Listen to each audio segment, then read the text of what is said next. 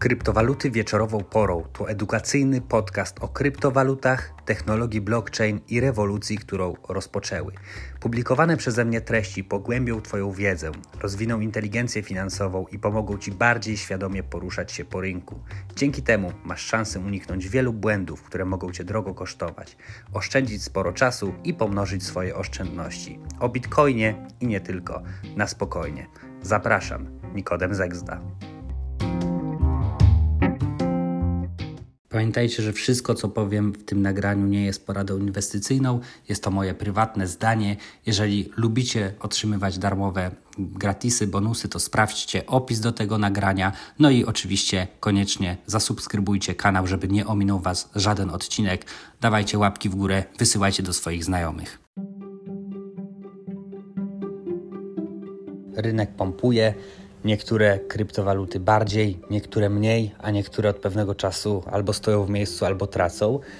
Jedną z takich walut, y, kryptowalut jest właśnie Cardano, ADA. Natomiast wiele osób, które gdzieś tam się zaczyna niecierpliwić, nie zdaje sobie sprawy z tego, że tak naprawdę z mojej perspektywy nie opłaca się sprzedawać Cardano i wchodzić w inne projekty.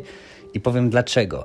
Chodzi mi konkretnie o to, że dzisiaj mając Cardano i stejkując to Cardano w odpowiednich pulach, poza samym Cardano można otrzymywać również inne y, waluty, inne kryptowaluty, inne coiny projektów, które w tym momencie właśnie powstają na Cardano.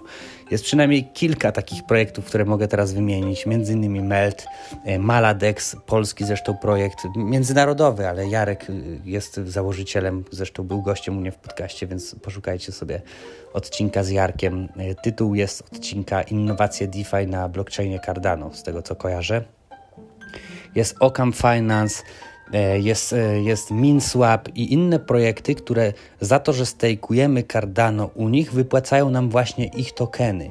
I to jest coś, o czym wiele osób zapomina, niecierpliwiąc się na przykład i denerwując, że nie wiem, Cardano stoi w miejscu, prawda, a, a reszta idzie do góry. Okej, okay, tylko że jeszcze pół roku temu było odwrotnie, że Cardano szło do góry trochę nawet wbrew rynkowi i zdecydowanie tutaj jakby miało lepsze wyniki niż reszta rynku, a teraz jest w jakiejś fazie konsolidacji. Osobiście uważam, że ta konsolidacja niedługo się już skończy i będzie mocny wystrzał, ale oczywiście każdy robi co chce. Natomiast to jest taka nieoczywista przewaga, nieoczywista właśnie zaleta stejkowania Cardano w niektórych pulach, że możemy otrzymywać właśnie te tokeny. Ja osobiście w tym momencie właśnie na MinSwapie sobie stejkuję, też trochę na OCamFi, ale przede wszystkim na Maladexie. Maladex wypłaca nagrody, ma trzy swoje właśnie stake, stake pule, e, MAL 1, MAL 2 i XMAL. I XMAL to jest taki akurat pool, w którym nie dostajemy nagród w Cardano, ale dostajemy nagrody w, w malach, tak? czyli w tym tokenie natywnym DEXa mal, który będzie powstawał. DEX to jest zdecentralizowana e, giełda od Decentralized Exchange. E, I ten projekt moim zdaniem będzie hitem, jeżeli on wypali. Oczywiście zawsze jest jakieś ryzyko, ale po przeczytaniu e, white papera, przeczytaniu mocne słowo, przejrzeniu, ale wczytuję się coraz mocniej w white paper, śledzę też zresztą mocno projekt w różnych e, możliwych miejscach. Też z Jarkiem jestem w kontakcie, chociaż Jarek bardzo zapracowany ostatnio, no ale mamy bezpośredni kontakt. Jarek, tak jak mówiłem wcześniej, też był gościem u mnie w podcaście. W każdym razie ja tam sobie stejkuję również na XMAL.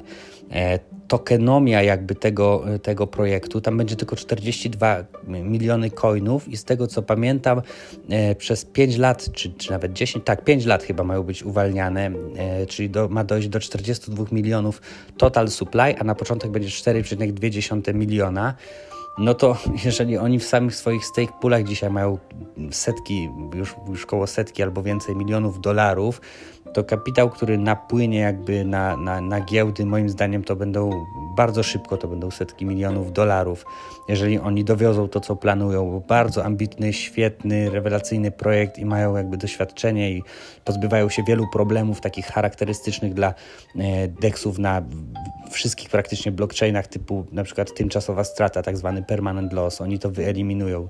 No i szereg innych jeszcze innowacji. Przygotuję osobny odcinek, to będzie materiał na YouTube, w którym zrobię dogłębny research właśnie tego projektu, bo wydaje mi się, że to jest e, bardzo duży tutaj e, potencjał i to może być petarda.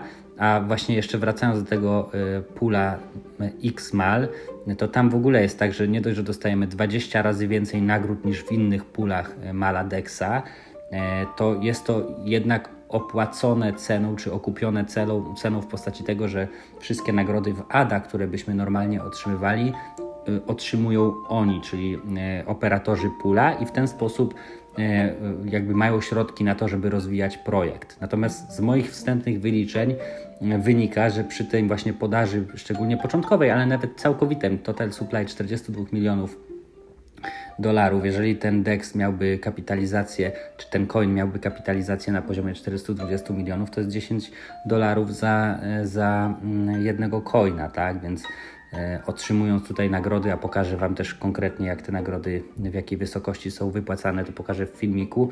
No moim zdaniem to może być mm, opłacalne, tak, żeby te nagrody zamienić właśnie e, za, za, mm, za po prostu ADE. I tu mówimy o 420 milionach kapitalizacji. No to jest śmieszna kapitalizacja, tak? Bo przecież konkurencyjne deksy to mają w, w, tak naprawdę w miliardach liczone e, kapitalizacje, więc tutaj jakby potencjał ceny tego coina, który ma jeszcze też ciekawą użyteczność, nie jest tylko takim governance, takim tokenem do zarządzania, ale też będzie miał szereg innych funkcjonalności, o tym powiem również e, w researchu, mm, no to, no to tutaj potencjał moim zdaniem jest dużo większy, więc mega trzymam kciuki mm, za chłopaków, za ekipę. E, mam nadzieję, że dowiozą temat. E, wszystkim Wam już kończąc życzę, życzę cierpliwości i jakby przemyślenia dwa razy przed wykonaniem jakichś tam ruchów i przeskakiwaniem między projektami w poszukiwaniu zielonych świec.